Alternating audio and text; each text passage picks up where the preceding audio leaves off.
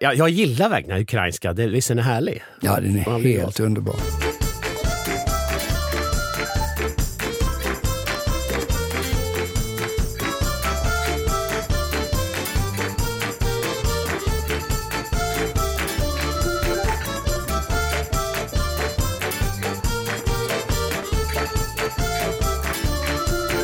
Välkomna ska ni vara till den här podcasten som heter Dr. David och farbror Erik. Om jag ska berätta vem farbror Erik är, för det är ju jag. Mm, det är Ganska du. lätt berättat. Jag är journalist, ibland benådade stunder författare. Jag är åsiktsmaskin. Jag jobbar mycket med nyhetsmagasinet Fokus som producerar den här podden. Och vem är du, Dr. David? Ja, David Ebrard heter jag och jag är psykiater och beroendeläkare eh, och eh, ibland eh, författare. Det var rätt länge sedan nu jag skrev en bok. Jag tror att vi har nästan battlat här i podden tidigare om vem som skrivit flest böcker. Och jag tror att jag har kommit upp till fyra och en halv böcker och du har kommit upp till fem och en halv böcker. Så du Just leder. det, så det är din tur nu kan man säga. Ja, och sen är jag ju också kolumnist i Fokus. Ja, vi skriver båda i fokus. Eh, och sen, det här har jag sagt flera gånger, jag, jag kan inte sluta säga det. Du är niobarnspappa. Niobarnspappa också. Jag har två döttrar och det, they are a handful. ja inte du, har, du, har, du har nio illbattingar. Det är helt Ja, alltså, galet. ja, jag har ju framförallt de sex yngsta är ju killar också. Och de tre första, vad var det, för könsfördelning? Nej, alltså, jag är, min äldste är också en pojke. Okej. Eh, Pojke, han är man. Han Ja. är ju gammal. Eh, gammal var väl att ta i, men han är ju 27. Eh, och sen har jag en dotter eh, och sen har jag en dotter till. Och sen sex killar efter Så det. pojke, flicka, flicka, Flicka. pojke, pojke, pojke, pojke, pojke, pojke. pojke. Det är helt bananas. Ja, det är lite bananas. nej, nej, men alltså det är helt underbart. Och vet du vad jag tror? Eller snarare vet. Att de människor som tror att jorden är överbefolkad, vi har inte plats för fler. De har jättefel. Det finns inga problem med att det föds barn till denna jord. Nej, det tror jag också. Det vi bra. människor är så otroligt bra på att, så att säga, göra, göra mer av mindre. Vi behöver inte lika mycket resursförbrukning för att göra den och den grejen. En- Förutsatt en ro- att en vi inte en- går tillbaka till 1800-talet, vilka, Nej, rolig vilket vissa vill. det- ja. Nej, alltså vi, nej alltså om, vi ska inte klä oss i, i säck och aska och sådana saker och vi ska inte så att säga, sluta med tillväxt och välståndsförbättring. Men en, en lustig observation faktiskt är att bilar på 70-talet, när du och jag var typ små parvlar, Mm. tidigt 70-tal, bilar som stod stilla släppte ut mer elände i luften än dagens bilar gör när de kör i full fart. Så mycket Men- men- bättre har så att säga, tekniken blivit att bilar som kör i full fart idag är mindre, ett mindre miljöproblem än bilar som, som stod stilla 1970. Mycket 73. mindre skulle jag tro. Va? Alltså kommer du ihåg, vi är ju rätt gamla, kommer du ihåg hur det luktade jämt när man var liten? det, där, det, det där är... Alltså, en grej jag tänker på är naturligtvis stink, stanken och, av, av liksom cigarettrök. Inte bara det, stanken av blyad bensin. Ja. Som i och för sig luktade gott tycker jag, men det luktar ju överallt. Ja, och eh, blyad bensin togs bort på 90-talet i, i, i Västeuropa och USA. Eh, togs bort för några år sedan, som sista land tror jag det var. Jag är lite, jag är lite på tjejgissningsplanet här, men jag tror att Algeriet var ganska sent på pucken att ta bort blyad bensin. Och det var för, give or take, fem, åtta år sedan. Någonting sånt där. Ja. Ja, det vittnar om, en, uh, vittnar om det du sa. Hör, mer, eller det jag vi- tolkade in i vad du sa, det vill säga om vi då ska eh, utvecklas och få en mer eh, eh, renare planet, bättre eh, effektivitet och att ta hand om vår jord bättre, det förutsätter teknisk innovation. Det förutsätter teknisk innovation och vet du vad, Dr. David? Som jag har fattat det, och det här, jag bygger delvis på vår folk, alltså stora folkbildarprofessor som tyvärr inte är med oss längre. Han dog ju. Hans Rosling. Hans Rosling. Han kunde berätta liksom att när välståndet ökar i ett land och eh, man behöver inte oroa sig för att man kan ställa bröd på bordet imorgon. Då kommer kvinnorna inte längre skaffa en massa barn för att så att säga ha någon typ av flummig pensionsförsäkring. Man vet inte hur många år barnen lever och så vidare. Utan i, i växande ekonomier, när det börjar gå bra, då skaffar kvinnorna cirka två barn. Vadå, menar du att bara tjejer, eh, kvinnorna som skaffar barn eller? Nej, men jag, jag har väl någon grundtanke och den kanske är, jag vet inte om den är så att säga fördomsfull eller så, men det är väldigt många familjer tror jag är att de kvinnan eh, kniper ihop låren så blir inte så mycket action. Eller, jag, jag, jag, det här kanske är jättelöjligt eller, tanke. eller kanske skaffa p-piller. Ja, det, just det. Det finns ju preventivmedel. Ja, det finns ju det och inte också. bara p-piller. Det finns ju olika så här plasthatt, tror jag att det var någon tjej jag träffade 2017 som, som kallade Plasthatt? Vadå, Pessar? Hon sa, nej, jag tror att det var kondom Plasthatt kondom. Det fanns ingen plasthatt så det blev ingen action den natten. Aha, okay. Ja, nej, Vilket nej, plågade mig. Jag, jag skojar lite med, med, med, med, kvinnorna, men, men det är ju intressant det där du säger om, om, om Hans Rosen. Har du läst Steven Pinker? Ja, Steven Pinker, eh, språkforskare men också populärvetenskaplig författare. Ja, och han... och han har ju bland annat skrivit boken, alltså, jag har faktiskt läst nyligen hans bok Upplysning nu, mm. en berättelse om typ humanism och mänsklig erfarenhet och bla bla, mm. där han, han drar en skarp lans faktiskt för dels att vi människor i grunden gör jordtillvaron bättre och bättre för oss själva. Vi ja. lever längre och friskare ja. och vi, vi, krigar mindre och dör mindre i våld. Men nu, nu berättar jag om boken. Det är du som nej, ska nej, boken. Det var, det, var ju, det var precis dit jag ville komma, för du nämnde Hans Rosling som då hade de här eh, cirkeldiagrammen där, som var väldigt illustrativa över att ju Eh, ju mer demokrati det finns, eh, ju, ju, mer eh, upplysning egentligen länder har, och ju, ju mer kapitalism faktiskt, nu blir det nästan lite politiskt, så ser man ju att medellivslängden ökar, skolgången ökar, BNP ökar, allting blir bättre och bättre. Och det är precis vad Steven Pinker också skriver om. De är ju väldigt eh, snarlika i det budskapet att ju, ju mer teknisk innovation, ju, ju, ju mer frihet för människorna, ju mer demokrati vi har, desto bättre mår alla människor. Vi sitter ju liksom här i mörka januari i ett land som inte är speciellt förlåtande mot, alltså det här årstidsförlåtande, det är lite tufft nu. Och det är krig som pågår, Ryssland, Ukraina och det är inflation och sådana saker. Men faktiskt, livet blir sakta men säkert bättre och bättre för oss jordlingar. Ja, på, på, alltså, det är jätteuppenbart också när man ser liksom absolut fattigdom och svält minskar successivt. Alltså går 50 år tillbaka i tiden eller går 100 år tillbaka i tiden så ser du en, en kurva som går, pekar i rätt riktning. Ja, det är ju helt bananas hur mycket... Hur mycket alltså, alltså, ta bara en sån sak som, som penicillin. Alltså, man, alltså, folk dog ju i kallbrand fram till... Jag vet, du kan det här, du är psykiatriker och det betyder att du också har läkare. Men penicillin kom, Alexander Fleming kom på penicillin på 30-talet. För, ja, det var före andra världskriget tror jag. Ja, någonst, ja, jag undrar om det inte är typ det var efter, efter, efter första världskriget. innan penicillin kom ju sulfa. Ja.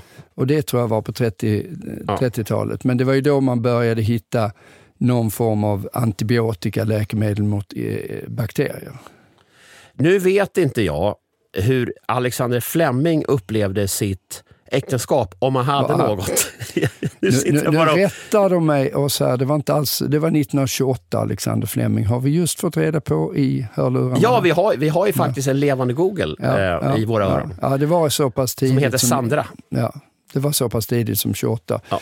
Eh, men, men det var ju en, eh, det är ju en revolution naturligtvis. Eh, folk dog ju i saker som man idag är helt...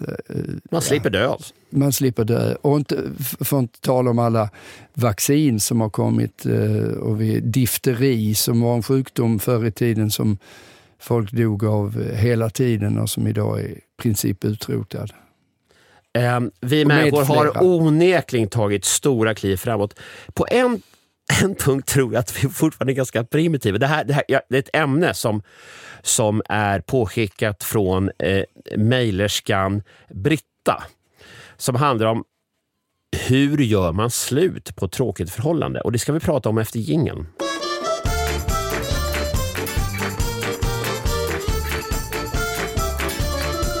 Britta, 45, skriver så här till oss, Dr. David. Mm. Jag har varit tillsammans seriöst med fyra män i mitt liv, fem om man räknar högt.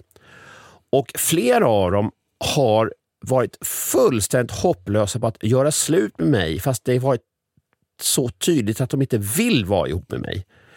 Men de har bara skjutit upp. Det känns som att de har väntat ut mig så att jag skickar ut dem ur hemmet. Är det här, är det här någonting du känner igen? Liksom att, att, att kvinnor så att säga lever med män som inte vågar göra slut? Ja, alltså känner igen det gör jag absolut. Och jag tänker att man tar den frågan, eh, finns det ett bra sätt att göra slut på eh, egentligen? Alltså, du är ju psykiatriker och så vidare, mm. men det här är kanske inte en självklar fråga som du dealar med i ditt alltså, professionella värv, utan det här är, med, det är nästan Nej. som privatmannen David som får Ja, det, det får nästan bli det, för som psykiater eller psykoterapeut, som jag ju är utbildad som men inte jobbar som egentligen, eh, då är det ju ändå en rätt, rätt tycker jag åtminstone, en, en ganska viktig sak med tanke på att om vi, om vi pratar om psykoterapi, eh, man pratar ju ofta om att läkemedel har en massa biverkningar. Eh, eller hur? Det finns ja. inga läkemedel som inte har biverkningar. Ja, det, är, ja, det, det, det, vet och tänker folk på. Vad folk inte tänker på är att alla behandlingar inklusive pratbehandlingar, eh, har ju också potentiella biverkningar. Det här var ju jättetydligt när det var väldigt inne med psykoanalys som ju då innebär att man ska gå ner i sitt undermedvetna och väldigt mycket av det här handlade om att eh, det du egentligen tänker, eh, det är motsatsen. Om, om man ska raljera lite så kan man säga att om du var homofob så var den psykoanalytiska standardmodellen att då, då är du egentligen homosexuell. Okay. I ditt undermedvetna. Nu, nu överdriver jag väldigt mycket, men bara för att illustrera att det undermedvetna lever sitt eget liv. Och så, det var väldigt många förklaringsmodeller bakåt i tiden, att det var mammas fel, att du är på ett visst sätt. Och så här. Och jag, måste säga, jag kommer ihåg det, att, alltså, mm. från, från skolan. Jag tror att de här alltså, psykodynamiska kan man mm. säga, modellerna var i svang fortfarande. Mm. Ja, men det, det som är det, intressant det, det, det var, Jag bara kommer från skolan, det, det var, alltså, på något sätt vi fick lära oss och det här, att om man hade problem med, med sin sexualitet eller om man var schizofren, mm båda grejerna var, skulle vara kopplade till någon slags dålig relation till mamman. Mm. Och detta och det, var, det, var, det, var, en väldigt läskig tanke för att det skulle det pekade ut mammor som att det, det, mm. de var problemet. Liksom. Ja, det, detta var ju helt gripet ur luften och det finns inget som helst belägg för att det skulle vara så. Man pratade om schizofrenogena mödrar och sen så när man visade att det stämmer inte så blev det schizofreni eller liksom autism eh, var förklarat av mamma och sådana grejer. Det där var väldigt illa och, och ledde till att den här typen av terapier kom under lång tid. Eh, att bli väldigt ifrågasatt. Nu skulle jag ju säga, nu är detta ett eget ämne och jag har inte ännu ens börjat svara på frågan här. typ, Britta undrar så, så, ja, varför snubbar är så dåliga på att göra slut. Ja, precis. Take it away David. Ja, men hon undrar det och så, och så börjar vi, som ja. killar gör, börja prata om något helt annat istället ja. för att göra slut. Uh, nej men, uh, jag, jag vill bara wrap it up där att uh, det där har ju kommit tillbaka lite för den modern eh, psykoterapi eh, är kanske lite andefattig åt andra hållet och tar inte så mycket hänsyn till relationer och sånt där, vilket jag tror är jätteviktigt för folk. Men med det sagt, anledningen till att det blir privatpersonen David som svarar, som, som psykoterapeut så riskerar man att ha även en psykoterapi riskerar att ha biverkningar. Det är dit jag ville komma. Ja. Eh, att man som psykoterapeut eller psykiater eller någon som behandlar någon skulle sitta och säga till patienten, Nej, men jag tycker du ska göra slut med den här mannen eller den här eh, kvinnan, är ju inte min uppgift att göra.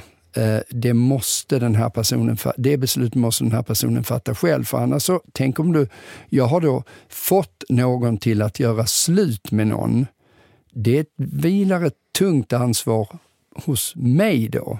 Så jag undviker ju det. det är inte Precis, så att, att du menar till... som psykiatriker ska ja. du inte gå in i människors liv och säga var kvar i den här relationen eller gör slut Nej. på den här relationen. Det är, inte, det är inte ditt... Nej, jag skulle säga att det är direkt olämpligt att jag gör det. Så därför svarar jag som privatperson istället. Ja. Och det är som du säger, det är klart att man noterat i i, i sin bekantskapskrets att, att det är eh, många män som tenderar att göra slut genom att oj då, jag träffade en ny.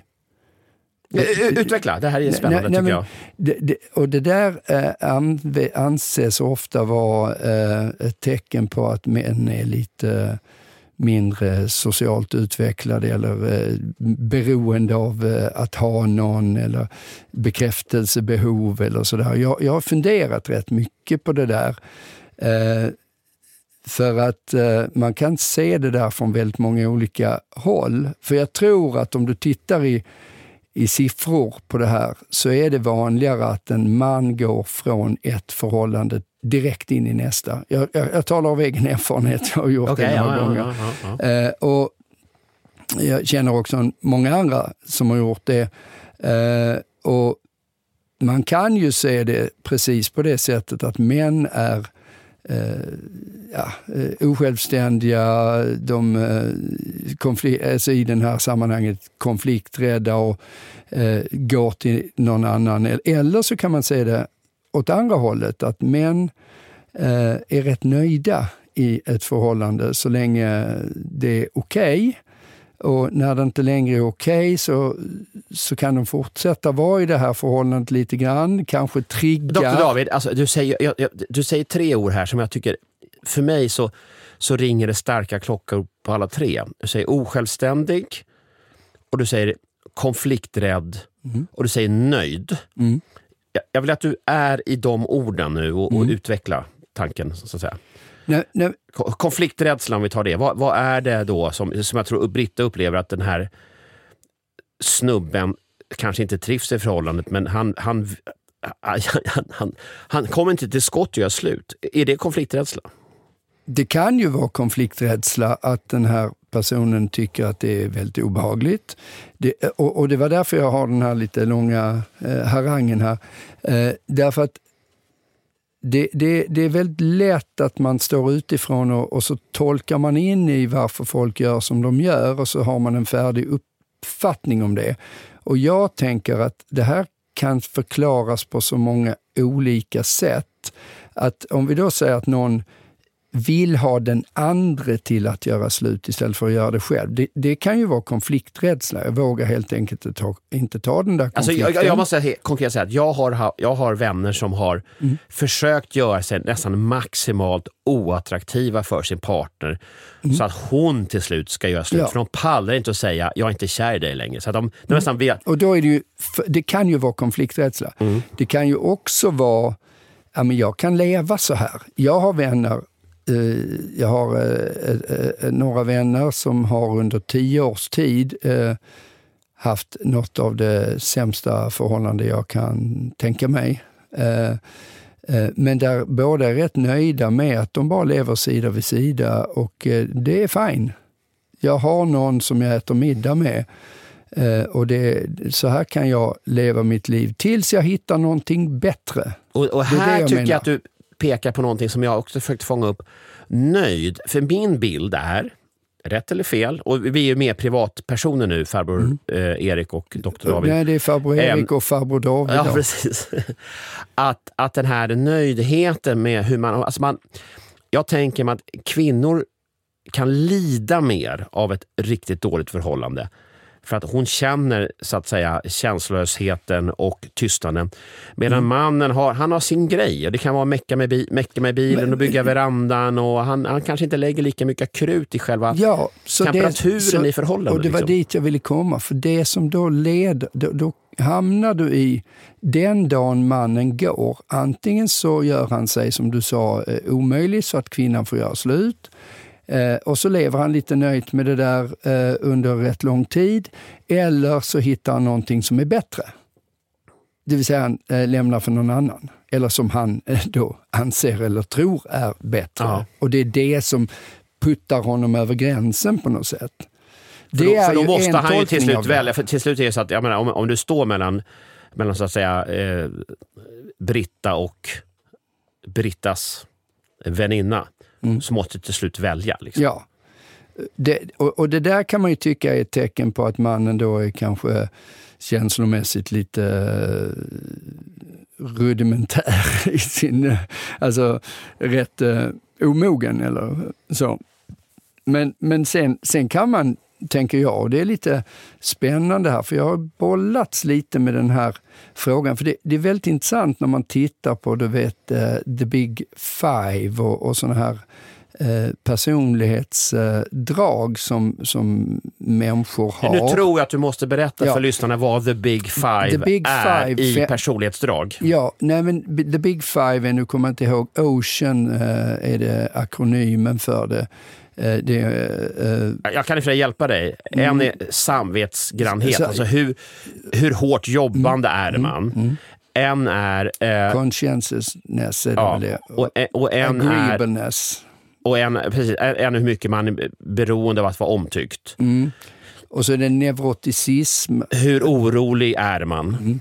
för saker och ting? Och sen så är en, en är ju hur öppen man är för nya intryck och äventyr. Mm. D- När man tittar på det så ser man att vissa av de här, neuroticism, eh, det vill säga oro, eh, där skiljer det sig på gruppnivå väldigt mycket mellan könen. Och likadant det som kallas för agreeableness. Det som är Det du säger nu är att kvinnor oroar sig mer och tycker det är viktiga, tycker det är att vara omtyckta. Ja, men det intressanta, jag har ju en liten spaning på den och den är ytterst anekdotisk eh, och inte alls vetenskaplig. Men det är ju så när man gör studier, om man då säger de här agreeableness till exempel, som är en, eh, den här faktorn att vara omtyckt eller att liksom anpassa sig. Eh, Då har jag en... eh, eh, Det där, när man gör de studierna, då gör man ju det utåt i samhället så att säga. Hur agreeable är man i förhållande till människor utanför familjen? För, Okej. det, för det är ju det som du mäter någonstans när du då hittar de här siffrorna, att det skiljer sig mellan könen. Jag har en liten spaning eh, att det, frågan är om det finns ett dolt mätfel i det här. Eh, För min, min, eh, min absoluta spaning i min närhet bland eh, vänner och, och bekanta är att om du tittar i familjen, nu talar det ju lite mot det här som, vad heter hon, Britta skrev, Ja, att, att, att männen gör sig omöjliga. Då skulle de vara väldigt lite agreeable.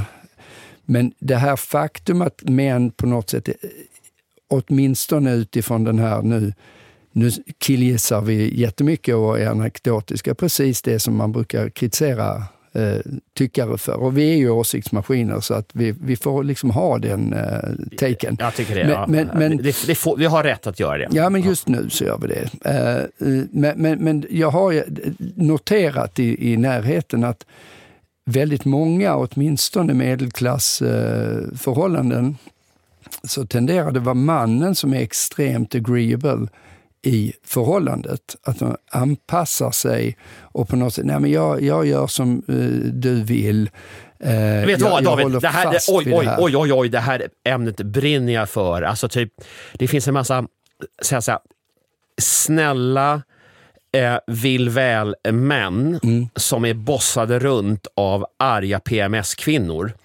Det, Det är ju ett eget ämne. Alltså, och, och då får jag, då får jag, alltså, det ska vi ta. Vi ska cliff, cliffa, cliffhanga på det ämnet tycker jag. Du får runda av nu så att säga. Ja. Men det här ska vi ta upp Jo, men vi tar upp det ämnet för att det, det är, jätteroligt det, det är väldigt intressant. För anledningen till att jag tog upp det, det är att, att man kan se saker från olika håll. Jag vill bara runda av då att om man då skulle göra om de här studierna på femfaktormodellen Big Five och sen så får du bara ta hur är det i förhållandet. Jag är inte övertygad om att de här könsskillnaderna skulle se likadana ut. Det kan vara så att Britta läser in ett könsmönster som inte riktigt finns eller som kanske finns men, men som bör nyanseras. Och jag tycker att alltså, vi, vi kan så att säga inte släppa det här utan det kommer vi ta upp väldigt snart i podden som heter vad då, David? Den heter Dr. David och farbror Erik. Och vill man ha svar på frågor eller bolla någon fundering så skriver man mejl till drdavid.fokus.se och det är drdavid.fokus.se. Jag säger nu hej då till lyssnarna och hej då till dig David.